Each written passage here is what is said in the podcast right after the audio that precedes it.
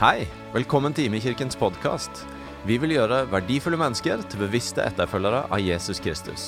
Og vi håper at denne podkasten inspirerer deg til å gå med Gud i din hverdag. Mitt navn er Egil Elling. Jeg har nettopp skrevet en bok som heter Godhetseffekten.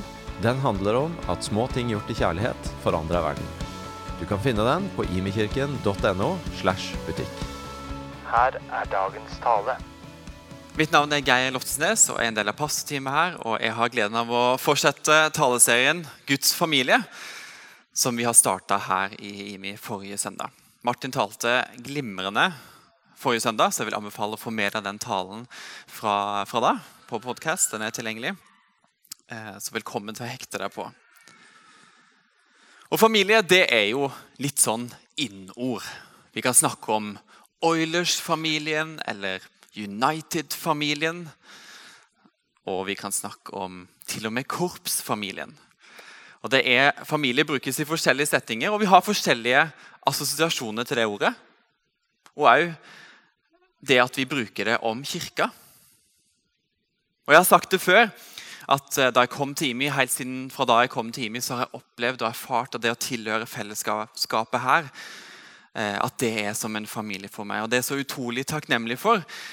Og så vet jeg jo, sånn som jeg har sagt, at det, det er andre som har kanskje vært her vel så lenge og likevel ikke opplevd det sjøl. Og at det kan være sårt og krevende. og sånne ting, Det har jeg respekt for og forståelse for.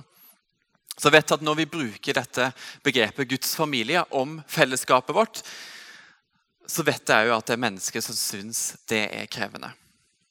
Men så er det likevel sånn at Guds ord forteller oss at vi er Guds familie. Og den viser oss at eh, når vi tror på han, så er, er, vi familie. Vi er Guds familie. Så uansett hvor du er i dette her, hvordan du forholder deg til det her, så er du invitert til å være med sammen med oss for å finne ut av ok, men hva betyr det faktisk at Bibelen sier det. Og hvordan ser dette her ut i dag? Og så er det, eh, også, så du som, eh, som ikke ennå tror, eller ikke tror, eller er underveis, eller hva det måtte være, så skal vi snakke om et fellesskap som du òg inviteres til å være en del av. Og, du, og, det inviteres du til mens du er underveis. Eh, så i dag skal du òg få noe glimt av hva du faktisk inviteres til å være en del av. Takke deg, gode Helligånd, for at du er her og vil vise oss mer om hvem du er, og hvem vi er. Og takk for at du veileder oss til den fulle sannheten. Åpne opp hjertene våre, så vi kan ta imot det du vil eh, fortelle oss. Og ikke bare til hodene våre, men inn i hjertet og ut i hendene. Amen. Eh, forrige uke så leste jeg i 5. Mosebok. Eh, og Den boka handler om at Moses forteller videre det viktigste han vil at israelsfolket skal huske nå som han går mot døden. Så liksom dette, dette, er liksom det viktigste. Dette må dere få med dere. Og så leste jeg i kapittel 8, vers 5. Hør her. Og du skal vite i ditt hjerte at Gud vil oppdra deg som en mann oppdrar sin sønn. Jeg tenkte, wow, så kult! Her er det allerede synlig fra tidlig i Bibelen. Det handler ikke, dette, dette, dette er synlig fra Gammeltestamentet av at vi har en Gud som er vår far. At vi kan forholde oss til han som vår far. Og Det fortsetter forskjellige punkt gjennom, gjennom, den første delen av Bibelen, Gamle testamentet, som handler om livet før Jesus kom til jorda. Og så kommer det for fullt trøkk i Nytestamentet. Da ser vi det veldig tydelig gjennom forskjellige ting. og det skal vi se mer på i dag. Men en av de tingene som er, eh, en av de historiene som jeg liker kanskje best, som bekrefter og synliggjør at Gud er vår far, er da eh, Jesus forteller disiplene hva de kan forvente av Gud når de ber. Og da sier han sånn oppsummert så sier han til disiplene når dere som er onde, altså gjør onde ting, dere mennesker, vet å gi barna deres gode gaver, hvor mye mer da vil ikke deres himmelske far gi dere det dere trenger? Eller gi dere Den hellige ånd, sånn som det står et annet sted. Og jeg syns det er bare så nydelig å stoppe opp stadig vekk med denne setninga. Hvor mye mer da? Så vi har en Gud som er vår far. Han er ikke bare min far, han er vår far. Så det å ha Gud som far det er vi ikke alene om. Vi er ikke Guds enebarn. Sånn som Martin eh, sa eh, forrige uke. Når, dis, eh, når, disiplene skal lære hvordan de skal be av Jesus, så sier Jesus, starter med å si måte, hvordan du skal henvende deg til Gud. Og da sier han 'vår far'. Sånn som vi òg ba under nattverden. Vår far, du som er i himmelen. Vår far. Enten om du ber alene på et rom i Huttiheita, eller om du ber sammen med oss, så er det perspektiv om at uansett så er det vår far, vår felles far. Det er en eh, veldig inspirerende flott bok som heter 'When the Church Was a Family'. Når kirka var familie, som er skrevet av Joseph Hellerman. Eh, og Han bruker litt tid på å beskrive det samfunnet som Jesus vokste opp i. Og Da, da utbroderer han litt om, om, hvordan familie så ut da. For Det er litt viktig å forstå når vi, når vi, leser Bibelen og hører hva det står om familie da, at vi skjønner ok, men det var denne sammenhengen det ble sagt i. Og Da sier han at eh, det samfunnet Jesus vokste opp i, hadde gruppa, eller fellesskapet, så det hadde prioritet foran individet. Altså Det var gruppas beste som var det viktigste, ikke ditt eget beste. Og videre at en persons viktigste gruppe, det var familien. Og igjen at det sterkeste familiebåndet var med søsken. Og Med det som bakteppe så la oss lese fra eh, Markus 3. Da kan vi lese om at nå kom moren og søsknene hans altså til Jesus. De ble stående utenfor, men sendte bud og ba han komme ut. En stor flokk satt omkring han, og noen sa til ham, Din mor og dine brødre og søstre er utenfor og spør etter deg. Han svarte, Hvem er min bror og mine søsken? Og han så på den som satt omkring han og sa, Se, her er min mor og mine søsken. For den som gjør Guds vilje, er min bror og søster og mor.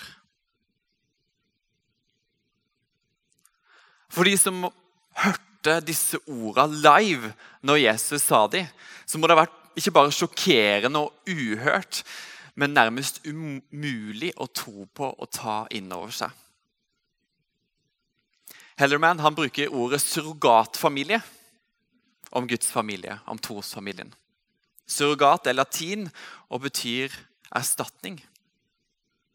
Og Det er dette vi ser at Jesus innstifter her med sine ord og sitt liv. Noen kapitler senere i Markus kan vi lese om en rik mann som vil følge Jesus, men blir utfordra på å selge alt og gi det videre til de fattige. Og så er han ikke helt klar for det. Og Da benytter Jesus muligheten til å undervise disiplene om dette her med rikdom. og Etter hvert så tar Peter til orde og sier Markus 10. Hva med oss, da? Vi har forlatt alt og fulgt du. Jesus svarte. Sannelig, jeg sier dere, enhver som har forlatt hus eller brødre eller søstre eller mor eller far eller barn eller åker for min skyld og for evangeliets skyld, skal få hundre ganger så mye igjen. Hør her, i den tiden som er nå skal han få hus, brødre, søstre, mødre, barn og åkre, men òg forfølgelser. Yay. I den kommende verden så vil han òg få et evig liv. Og Det er synlig her at Jesus allerede her antar at, og gjerne forbereder disiplene på at de er meint til å ha samme relasjon, forpliktelse og bånd til hverandre som de har til sine biologiske søsken. Og som vi skjønte tidligere, Dette var jo det sterkeste båndet og det viktigste for dem i, denne, i, i middelhavsområdene på denne tida. Og når de hadde det, så hadde, eh, når de hadde dette sterke båndet til, til trosfamilien og sine brødre, så ville dette òg ha konsekvenser både for den materielle tryggheten, som hus og åker, eller mat, om du vil, men òg den relasjonelle tryggheten, som betyr at de overhodet ikke skal være utenfor eller alene. Og Det handler ikke om livet der oppe i himmelen en eller annen gang, men det handler om livet her og nå, i den tiden som er nå, sa Jesus. Og Jesus bruker familiebegrepene gjennom hele evangelieberetningene i Bibelen. I mange ulike former.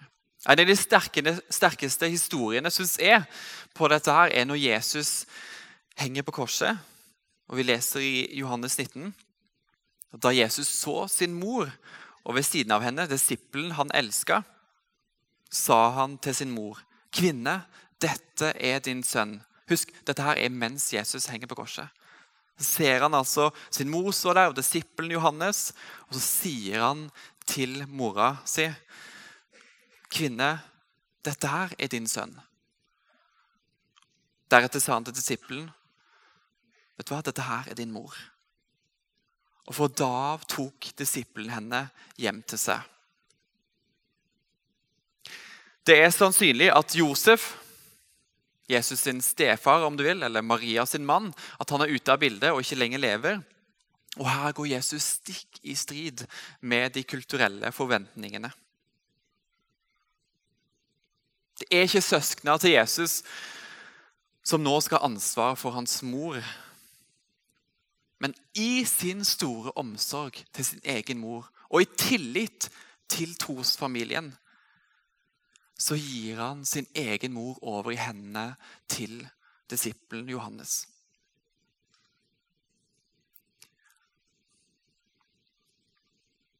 Om du var den eneste Jesus måtte dø på for korset, så ville han likevel ha gjort det. Det er en sånn ting vi kan si når vi ønsker å utbrodere Guds kjærlighet for oss og for enkeltmennesket. Men nå er det faktisk sånn at det, det var jo ikke tilfellet. Dette her er jo faktisk ikke sant. Jesus døde ikke bare på korset for du. Du har ikke Jesus som din eksklusive personlige frelser. Kanskje du har en personlig trener, men du har ikke en eksklusiv personlig frelser som bare gjelder du. Nei, på korset så gjenoppretter Jesus hele familien. Og der tilgir Gud all synd til alle Guds barn, til hele trosfamilien. Jesus dør for familien. Og Nattverden, som vi har vært en del av her, det synliggjør dette. Her minnes vi om det Jesus gjorde på korset, og vi får ta imot det. Og Sammen så tar vi imot og tar del i brødet og vinen. Jesu egen kropp og blod. Det er den samme kroppen vi får ta del i. Her tas skillene bort mellom oss. Her står vi på lik linje. Og ja, Av praktiske årsaker så ser det litt annerledes ut når vi samles her så mange til nattverd, enn sånn som det ser ut i huskirkene vi har, og òg sånn som det var i den tida etter Jesus eh, sto opp igjen blant de første kristne. Da var det nattverd i, rundt, rundt middagsbordet. Her delte vi mat sammen. Og vi spiste og, og ga videre og delte sammen Jesu blod og kropp på den måten, i den settingen. Men likevel, nattverden er et familiemåltid som minner oss om både tilhørighet oppover mot Gud, men også bortover mot hverandre.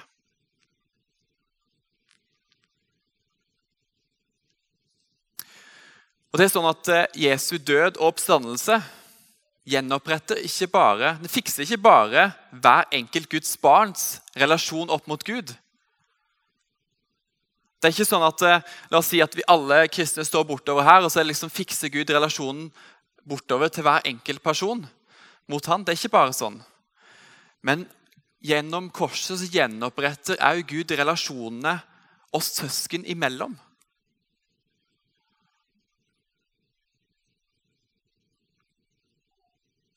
Fikse relasjonene oss imellom. Frelsen, det at vi er frelst, at vi er redda, satt fri for all vår synd,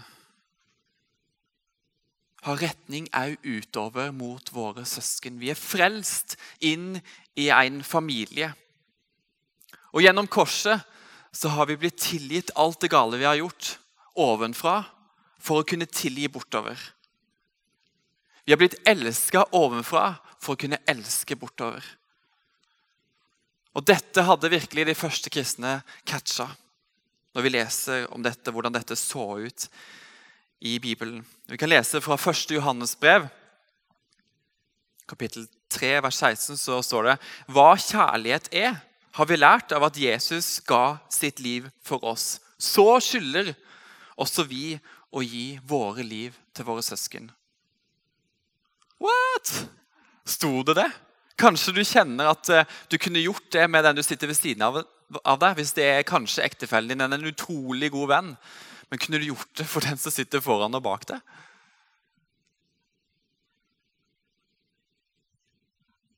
Så skylder også vi å gi vårt liv til våre søsken. Videre i kapittelet seinere kan vi lese om at vi elsker igjen fordi han har elska oss først. Den som sier 'jeg elsker Gud', men likevel hater sin bror, er en løgner. Men den som ikke elsker sin bror, som han har sett, kan ikke elske Gud, som han ikke har sett. Og dette er budet vi har fra han. Den som elsker Gud, må òg elske sin bror. Dermed basta. Nei, det sto ikke det siste der. Det la jeg til. Og Det handler ikke bare om å unngå å hate, men det står aktivt å elske. Jeg skal ikke, det er ikke bare sånn, å, jeg må prøve å la være å hate, liksom. men det står faktisk 'elske'. Det henger, Den relasjonen henger sammen med den relasjonen. Det vi får ta imot her, har noe å si for hva vi kan gi videre her. Og holdt på å si, Hvis du syns det er vanskelig å, å, å være med og fikse relasjonene med dine søsken, og elske og tilgi dine søsken, så må du søke oppover for å ta imot mer av det Gud vil gi deg. For han, han, han lar deg ikke bli alene og fikse det der sjøl. Han vil gi deg alt det der. Han vil vise hvor høyt han faktisk elsker du og tilgitt du. Og det vil overvelde deg på en sånn måte at det blir naturlig for deg å gi det videre. Jeg sier ikke dette her er lett, det er ikke quick fix. det er ikke sånn, så var det gjort. Det handler om prosess, og sånne ting, men det handler også om at vi setter oss i posisjon for å ta imot det Gud vil gi oss. Og Har vi oppriktig tatt imot dette, så forplikter det bortover.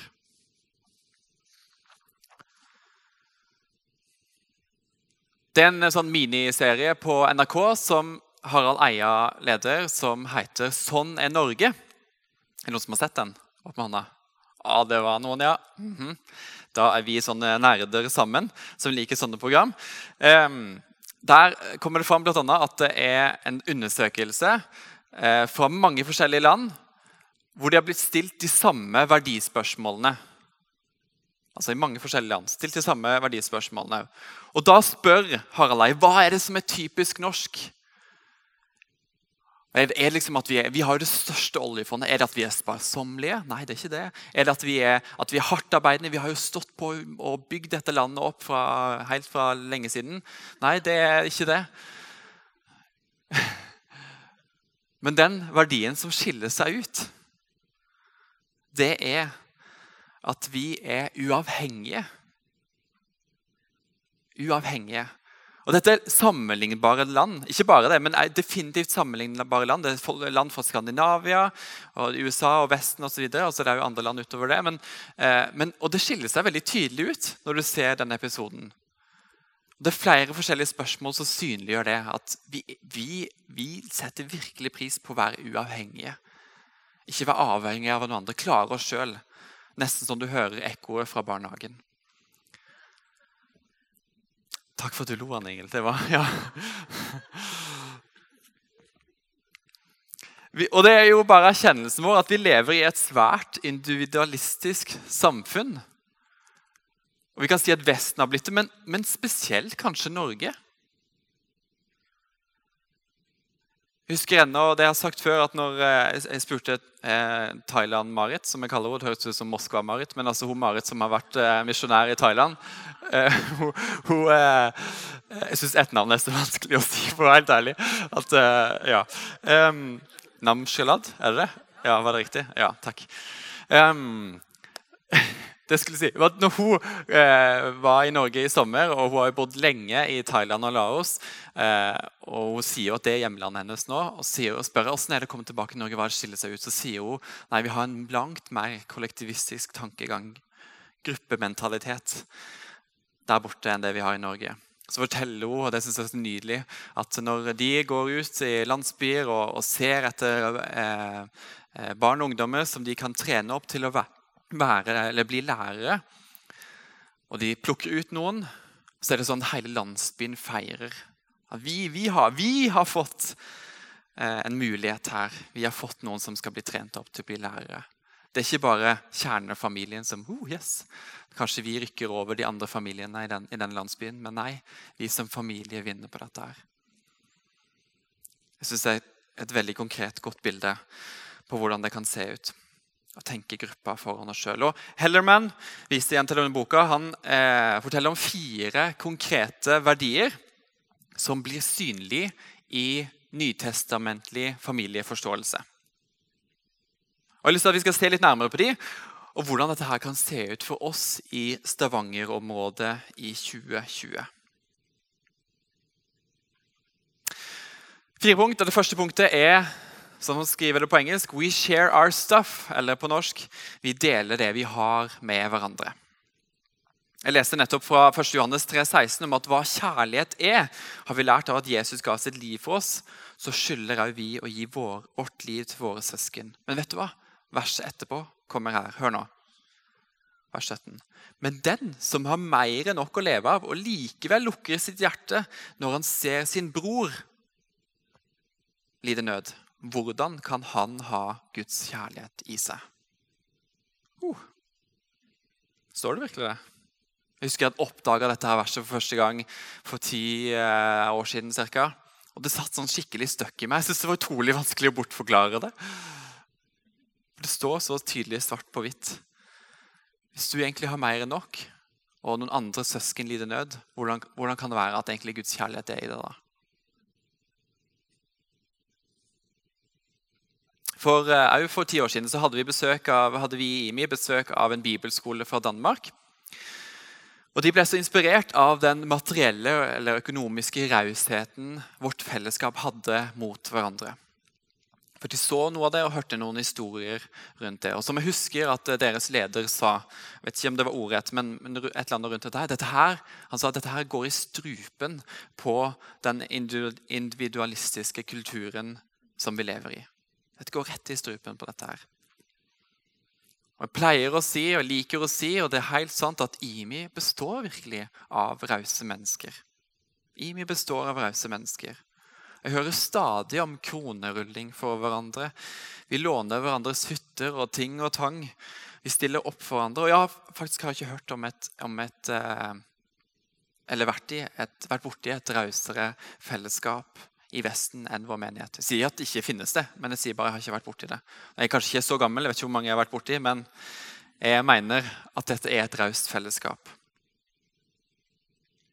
Og Samtidig så hører jeg det stadig mer utfordrende ekkoet fra den første kirka, de første kristne etter Jesu oppstandelse. Og Vi leser i apostlenes gjerninger flere ganger, og som vi så i dette dramastykket, det er ikke bare oh, det var hyggelig og inspirerende, men det er helt ekte. Det så sånn ut at de delte alt og hadde alt felles. De kom faktisk med eiendelene sine som vi har hørt det, og la det foran føttene, sine, nei, føttene til, til apostlene, som var lederne i fellesskapet. Solgte åker og alt dette her som vi leste om tidligere at, at Jesus ga oss løfter om.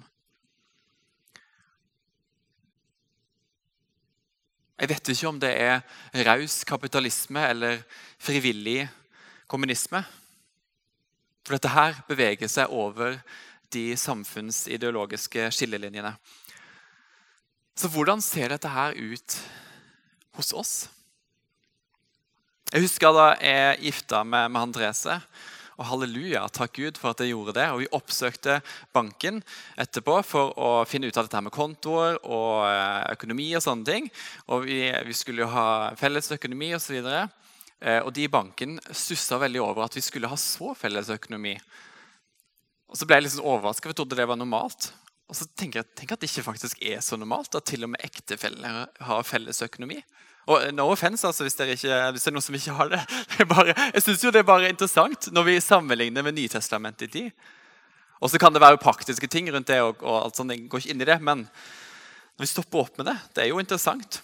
Og nå skal jeg si noe som jeg synes Det er noen fra en eh, David Armstrong som bor på Bryne, som har sagt at eh, du vet at ordet er Eh, som et tveegget når når det har eh, kutta deg sjøl først.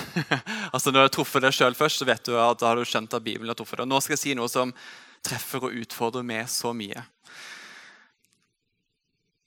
Men kanskje kommer vi en gang lenger framme der på et punkt hvor vi har lyst til å ha felles økonomi med andre utover vår egen kjernefamilie. Kanskje kommer vi til et punkt hvor vi har lyst til å ha felles økonomi med de vi går i huskirke med.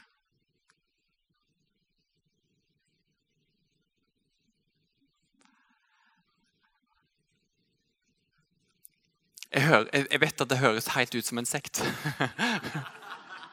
men, men, la merke til at jeg sa 'lyst til'.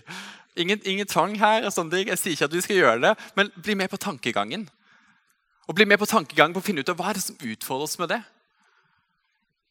Jeg møtte meg sjøl i døra fordi jeg, jeg, spinte litt videre på disse tankene. og Delte det med ei god venninne og ei som går i huskirka vår. Og så svarte hun med å si ja, men vet du hva, du kan få, se på budsjettet mitt, så ser vi åssen det ser ut. Og jeg bare Nei, nei, nei hallo! Jeg har det jo bare i kjeften, liksom. Jeg, jeg mener det ikke. For da, da, begynte jeg å tenke liksom Oi, eh, alle de praktiske tingene med det. Og, og hvor eh, plutselig ansvarliggjort du blir, og tillit. Og, altså, det er mange, utrolig mange fasetter med det som er utfordrende. Men det er fortsatt noe i meg som kjenner at det det er attraktivt. At det, det, er en drøm i meg om, om at det hadde vært mulig. Det er en så konkret måte å sette fellesskapets beste over ditt eget beste. Jeg husker Elling har delt om at eh, det er en annen eh, gjeng med kristne ledere tror jeg, et eller annet sted, jeg husker i detaljene, men der, eh, der har de det sånn at de, de, må godkjenne hverandres budsjett. Og de må, de, må, søke om lov til å, bruke, til, å, til å kjøpe noe som er over en viss sum. Hvis det dukker opp et eller annet. Du må sikre at det virkelig dette er god, eh, god, ja, god investering. Jeg syns det er interessant å tenke over.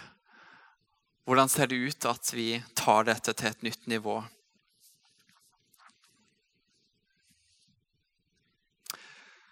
Punkt nummer to We share our hearts, eller vi deler våre hjerter med hverandre. Og Det handler om tid, om å være til stede. Og Vi leser jo fra eh, apostlenes gjerninger om at uh, hver dag holdt de trofast sammen. Hver dag holdt de trofast sammen på tempelplassen og hjemmene. Noen oppsøker kun Gud, eller enda verre, tror kun på Gud når de har det vanskelig. Og Sånn er det jo med kirka. Noen oppsøker kun kirka når vi har behov sjøl. La oss høre fra Hebreerne 10, vers 24 og 25. Der står det la oss, la oss ha omtanke for hverandre, så vi oppgløder hverandre til kjærlighet og gode gjerninger. Og hør, hør nå. Og la oss ikke holde oss borte når menigheten vår samles, som noen har for vane. Jeg er så takknemlig for podkast. For det gjør at jeg kan connecte på hvis jeg går glipp av en gudstjeneste. her. Connecte på hva som har eh, eh, blitt snakka om. Men herlighet for en falsk erstatning. Snakk om å redusere kirka til en input eller en tale. Og For å si det sånn Kanskje du òg tenker det i dag, men noen ganger er talen skikkelig dårlig. Den er kjedelig, det kommuniseres dårlig, kanskje ikke det godt teologisk fundament engang osv. Du kan ha mange eh, gode refleksjoner sjøl rundt dette. her, og Da er det vår glede å minne oss sjøl på at vi ikke er gudstjenesteanmeldere som triller terninger, men vi er søsken. Og Det betyr selvsagt at vi kan gi tilbakemeldinger til hverandre. Herlighet. Men takk Gud, det er ikke kvaliteten på det vi gjør, som, gjør, som, som samler oss. Det er ikke det som gjør at vi er familie. Og I norsk eh, sammenheng så er IMI en ganske stor menighet. Og Da har jeg lyst til å si at familie er ikke betinga av størrelse. Men det er klart, størrelsen endrer familiedynamikken. Det er helt klart, altså, Jeg husker bare når vi var to og gikk til tre og fikk barn. Ting blir jo helt om, omvelta. Eller når du får ett barn til, oh, da blir jo helt ommeldt. Og, og, så endrer det seg, så må vi se oss som en fortsatt familie. Og jeg skjønner at dette, dette er små tall, men det kan òg overføres til, til, en stor gjeng. Det er klart, Dynamikken endres når vi er flere hundre i familien. Og Vi har ikke anledning til å dele hjertet vårt med alle sammen. Det, det er heller ikke lurt. Kanskje det er noen som vil koble meg på en andre. Det er helt naturlig. Det er normalt. Men vi har likevel et ansvar for å sette oss i en posisjon for, hvor vi kan dele hjerter med hverandre, med noen andre i, i familien. At vi kan kjenne og være kjent av noen andre. For vi kommer ikke inn på hverandre. Vi deler ikke hjertene våre til hverandre hvis vi kun dukker opp på gudstjenestene noen timer, noen søndager i måneden. Så opplever du at vet du hva, jeg kjenner ikke folk så veldig godt, eller jeg vet ikke om andre kjenner, kjenner med seg veldig godt, så er ikke dette her bare en invitasjon, men en veldig sterk oppfordring. Du trenger et mindre fellesskap som er forplikta til hverandre. Og Huskirke det er vår struktur for dette. her. Jeg skal love deg en ting, De er ikke perfekte. Ingen huskirker er det. Men her går vi en vandring for å finne ut av hvordan dette her ser ut sammen. Det er ikke lett, skal love deg, men du er invitert til å være med og hjelpe oss til å lykkes på denne vandringa. Punkt nummer tre. We stay, embrace the pain and grow up with each other. Vi blir værende, vi omfavner smerten, og vi vokser opp sammen. Hvis du er på trappene til å starte å tilhøre en menighet, et kristen fellesskap, så kommer det en spoiler alert her. Og det er du kommer til å bli såra. Noen ganger dypt og hardt. Men det er òg helt normalt i en familie. Vær så snill, ikke ha forventninger om å unngå dette. Få familier har et ønske om å såre deg, men ingen familier kan unngå det. Det finnes eh, kristne søsken som fortsatt er på leit etter den perfekte menigheten eller familien, om du vil. Og Det er så utrolig mange kristne trossøsken som har forlatt familien sin fordi de har blitt såra. Og Jeg opplever forholdsvis ofte at jeg møter kristne som ikke nødvendigvis tilhører aktivt en lokal trosfamilie. Kanskje de shopper litt rundt forbi og reduserer kirka til noe som skal møte egne behov. I sunne ekteskap og i sunne relasjoner og sunne familier så tar vi ansvar for egne følelser. Vi tar ansvar, for å sette ord på det vi opplever som er vondt i møte med hverandre. Noen ganger så det, blir det godt tatt imot med andre, og vi får tilgi hverandre, skvære opp, rydde opp. Andre ganger så blir det ikke møtt så veldig godt. Og det blir ikke forstått. Og vi blir likevel utfordra på å velge tilgivelse. I Matteus 18, 21 så spør Peter Jesus ja, du, hvor mange ganger er det egentlig greit at min bror, bror, søsken, synder mot meg, og at jeg må tilgi. Hvor mange ganger tenker du? Jeg, mitt forslag er sju, sier Peter. Og da Det er jo sånn cirka det står. Og da svarer Jesus ikke sju ganger, men jeg sier det 70 ganger sju. Og da tenker jeg litt sånn Hvis det er sånn at du må tilgi ditt trosøsken mer enn 490 ganger, så skal vi ha heller litt mer slingringsmonn med deg.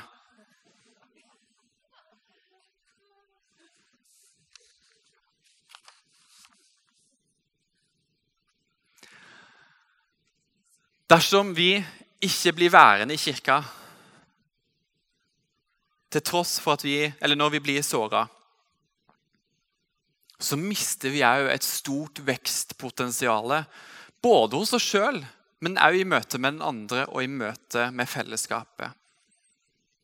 Mens når vi velger å rydde opp, og uansett velger tilgivelse, så er frukten og resultatet av det helliggjørelse, eller modne mennesker, om du vil. Og oppfordringen i 1. Peter 2,17 er klar. Der står det 'elsk søskenfellesskapet'. Ikke bare hold ut i det. Og så er det likevel sånn for noen av oss så blir smerten for stor. og Man klarer ikke å bli værende i trosfamilien sin. Og Da er vi så heldige å få bo i Norge, hvor det finnes andre, flere andre lokale trosfamilier å gi seg hen i. Eller om du vil, bli såra av. Men Gud har ikke gitt oss et annet alternativ enn å tilhøre Guds familie. Punkt nummer fire. Family is about more than me, my wife and my kids. Familie det handler om mer enn meg, min ektefelle og mine barn. I høst hadde vi fokus på det femfoldige. Det er et eh, avsnitt i Bibelen som snakker om de gavene som Gud har gitt sitt folk. De gavene og talentene som han har skapt oss med, som vi kan bruke til å bygge, til å forandre denne verden og bygge Guds rike med. Og så eh, var det en person som sleit litt med å finne sin plass i dette. her, Og kanskje hadde forventninger om en, om en viss eh, rolle eller eh, ja, i, i, vår menighet. Men konklusjonen synes jeg var så nydelig til denne personen. Og det var at hvis jeg tenker at dette er en familie, så er det ikke så viktig for meg å få en bestemt rolle. Det handler ikke om å få realisert ditt talent, men å tjene det som er familiens beste. Igjen, Det handler ikke om mitt eget beste, men Guds families beste.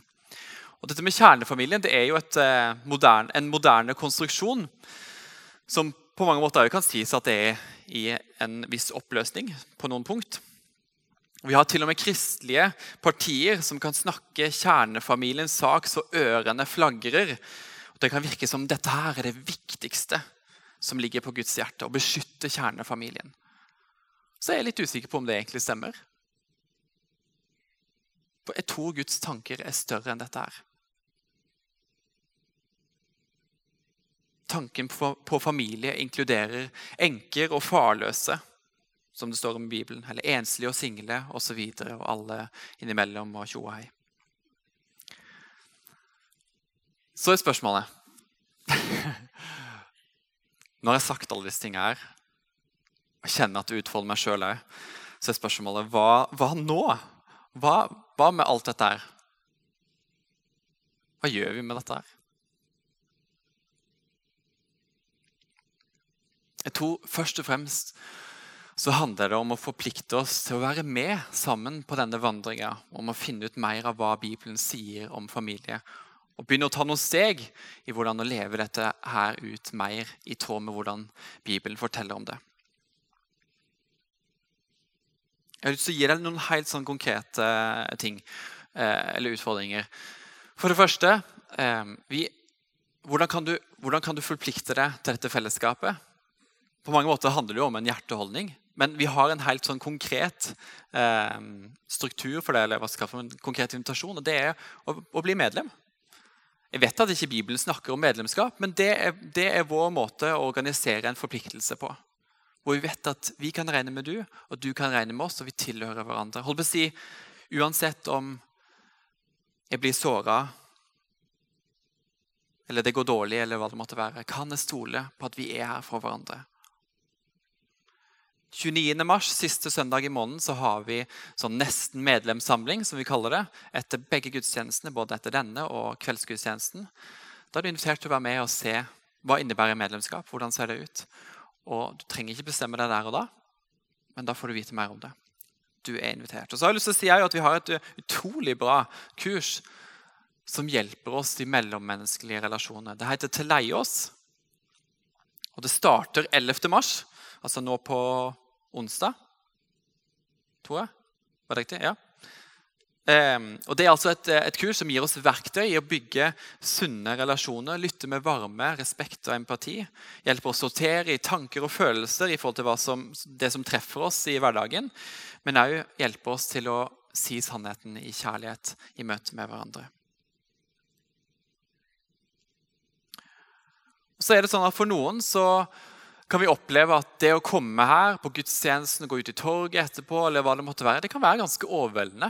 Ganske mange folk her. Hvor skal vi begynne å kjenne på familie her? Og da har jeg lyst til å si veldig tydelig begynn med huskirker.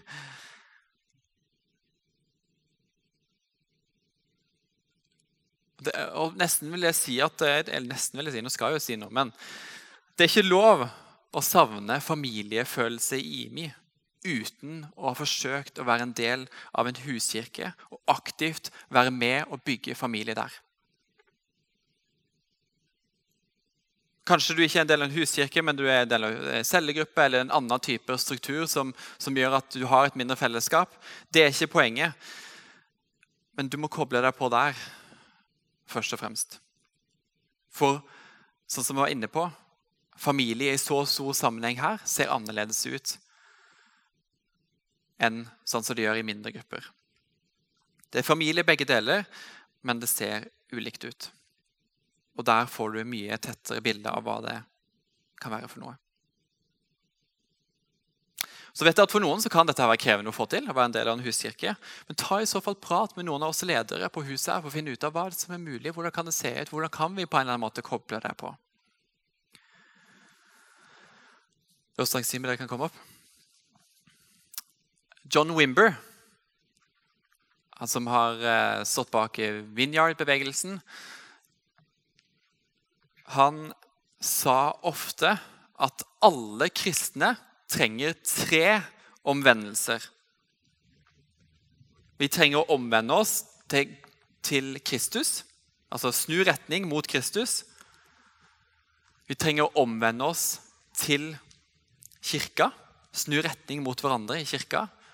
Vi trenger å omvende oss til Guds hensikt eller Guds sak eller det Gud holder på å gjøre inn i denne verden snu retning mot det i våre liv.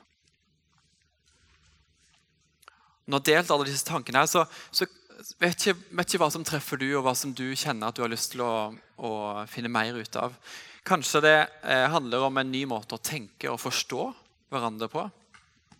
Kanskje det handler om konkrete ting du ønsker å, å gjøre eller handle på eller leve ut.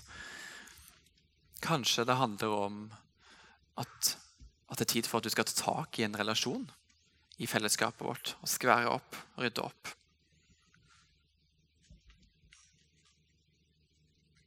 Vi snakker litt om en del om vekkelse, og vi ber om vekkelse. Vi har lyst til å se at hele Stavanger-området og Norge at det blir vekt opp til å forstå hvem Gud er.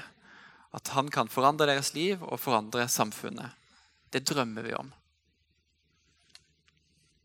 Og så har jeg lyst til å si å leve ut Guds familie, sånn som vi kan lese om og forstå det ut fra Bibelen.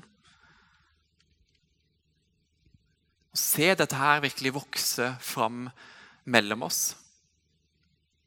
Det vil være en levende vekkelse, hvor Guds ånd virkelig får ta tak i oss på dypet og sette oss fri. Og det vil forandre oss det vil forandre den du sitter ved siden av, dette fellesskapet, og definitivt òg byen. La oss reise sammen og be.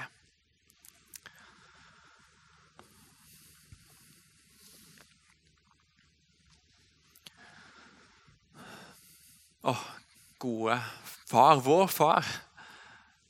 Du er, du er så radikal. Du utfordrer oss òg. Men vi vet at du er god. Du har det beste for oss. At du har en, en himmelsk tanke om hva familie som vi ikke har lyst til å glippe av. Vi erkjenner at den, den, utfordrer oss, og så har vi lyst til å si at vi har lyst til å fortsette å være på denne vandringa om, om, å se, se, hvordan dette kan se ut hos oss i dag. Så Helligånd, kom og vis oss. Forklar, åpenbar, veiled oss til den fulle sannheten men òg gi oss tips og konkrete innspill og tanker om hvordan dette kan se ut. Vi må bare kjenne Gud, at vi, vi er farga av vår egen kultur. Vi er farga av, av det samfunnet vi lever i. Men vi er først og fremst himmelborgere. Og vi har lyst til å bringe din himmel ned på denne jorda her. Vi vil være ditt verktøy for det. Så kom, Hellige Ånd, vis oss.